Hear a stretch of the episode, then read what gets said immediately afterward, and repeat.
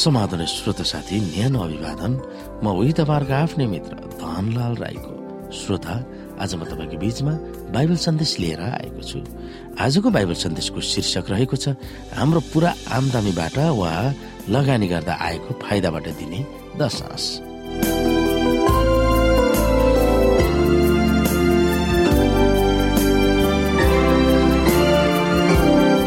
श्रोत साथी हाम्रो तलब वा आमदामी वा फाइदाबाट दशांश तिर्छौँ।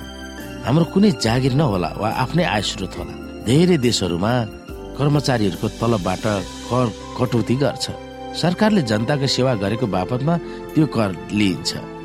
ती सेवाहरूमा सुरक्षा बाटोघाटो र पुलहरू बनाउन बेरोजगारहरूलाई सहयोग गर्न आदि। दशांश दिँदा जम्मा जम्मी वा कर तिर्नुभन्दा अगाडिको तलब वा आय आमदामीबाट दिने हो कि वा कर तिरेपछि हातमा आएको पैसाबाट तिर्ने हो भन्ने प्रश्न धेरैको निम्ति कौतूहल हुन सक्छ। जो मानिसको आफ्नै आय स्रोत वा व्यापार छ त्यसले सरकारलाई कर तिर्नुभन्दा अघि भएको फाइदाबाट कर तिर्नु वैधानिक हुन्छ। आफ्नो लगानीलाई कटाएर आमदामी भएकोबाट सरकारलाई कर तिर्नुभन्दा अघि दशांश छुट्याउनु मनासिब हो। खोज अनुसन्धानमा यो पाइएको छ कि सेभेन्थ डे एडभान्टेजले दिने दशांशमा सरकारलाई दिने कर भन्दा अघि नै समुच्चको आयबाट दिएको पाइएको छ। श्रोत साथी पवित्र धर्मशास्त्र एक राजा सत्र अध्यायको नौदेखि सोह्रसम्म हामी यहाँ हेर्न सक्छौ। यहाँ एलियालाई भेट्नुभन्दा पहिले एकजना विधवाको स्थिति कस्तो थियो भन्ने बारेमा लेखिएको छ। आफ्नो र छोराको छाक टार्नुभन्दा अघि उनलाई अगमवक्ताले के गर भनेर हराएका थिए। हामीले सोचिरहेको प्रश्नको मामिलामा त्यस कथाबाट हामी के सिक्न सक्छौ?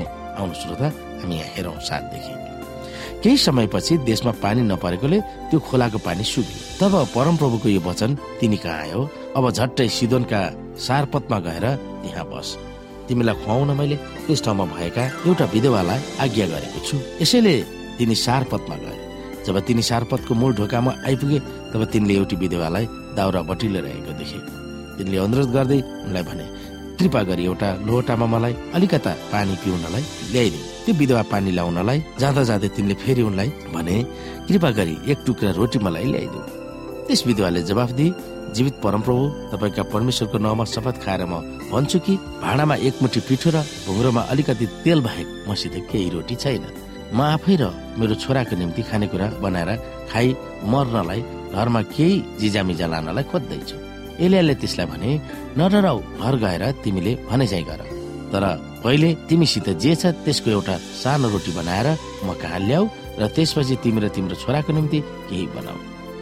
किनकि परमप्रभु इजरायलका परमेश्वर यसो भन्नुहुन्छ त्यसमा परमप्रभुले पानी नफटाउन्जेल भाँडाको पिठी सिद्धिने छैन र भुङ्रोको तेल पनि रित्तिने छैन। त्यो विधवा गएर एलियाले भने चाहिँ गरे। यसैले एलियाको निम्ति र त्यो त्यसका परिवारको निम्ति दिनहुँ खानेकुरा किनकि एलियाद्वारा परमप्रभुले भन्नुभए चाहिँ भाँडाको पिठी सिद्धिएन र भुङ्रोको तेल पनि रित्तिएन श्रोत साथी परमेश्वरले सारपतकी विद्यालय आफ्नो मानिस उनका आउँदैछन् भनेर परमेश्वरले सुनाउनु भएको थियो। जब एलिया आए तब उनले आफ्नो विपद परिस्थितिहरूको बारेमा सुनाए। एलियाले पहिले उनीसँग पानी खान मागे र थप्दै भने नडराउ घर गएर तिमीले भने झै गर। तर पहिले तिमीसित जे छ त्यसको एउटा सानो रोटी बनाएर म कहाँ ल्याऊ र त्यसपछि तिमी र तिम्रो छोराको निम्ति केही बनाऊ। किनकि परमप्रभु इजरायलका परमेश्वर यसो भन्नुहुन्छ देशमा परमप्रभुले पानी नपठाउन्जेल भाँडाको पिठी सिद्धिने छैन र भुङ्रोको तेल रित्तिने छैन श्रोत साथी के एलियाले आफ्नो तर्फबाट स्वार्थी भएका थिए? कि उनको विश्वासलाई जाँचिरहेका थिए? अर्थात् के एलियाले उनमा भएको विश्वासलाई जाँचिरहेका थिए? कि त्यसको जवाफ त्यहाँ के भयो? त्यसैले नै बताउन छ। हामीले बुझ्नुपर्ने कुरा के छ भने विश्वासलाई कसरी अगाडि बढाउने? त्यो हामी आफैले निर्णय गर्नुपर्छ। हामीले के गर्नुपर्छ वा पर्दैन वा के ठिक छ भनेर चर्चले विशेष आदेश दिँदैन। अन्तमा आएर हाम्रो निर्णय हामीले नै गर्नु आवश्यक छ। हामीले जे गरे तापनि हामीले भन्दा फरक व्यवहार गर्ने प्रति मूल्याङ्कन वा न्याय गर्नुहुन्न। हामी प्रत्येकले व्यक्तिगत तवरले परमेश्वरसँग जवाफदेही हुनुपर्दछ। हाम्रो निर्णयबारे न्याय वा मूल्याङ्कन गर्ने अधिकार केवल परमेश्वरमा मात्र छ। आफूले जे गर्छ त्यसको परिणाम के हुन्छ त्यसको अनुमान गर्ने प्रत्येक व्यक्तिको आफ्नै हातमा छ। आफ्नो हृदयलाई छाम्ने वा हृदयमा घुमिरहेको लक्ष्य वा नियतको मूल्याङ्कन उसैमा निर्भर गर्दछ।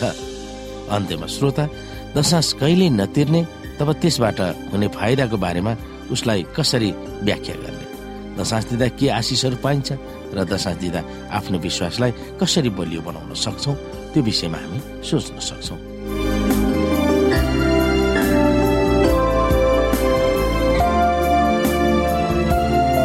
श्रोता साथी आजको लागि बाइबल सन्देश यति नै। हस्त नमस्ते जय मसिंह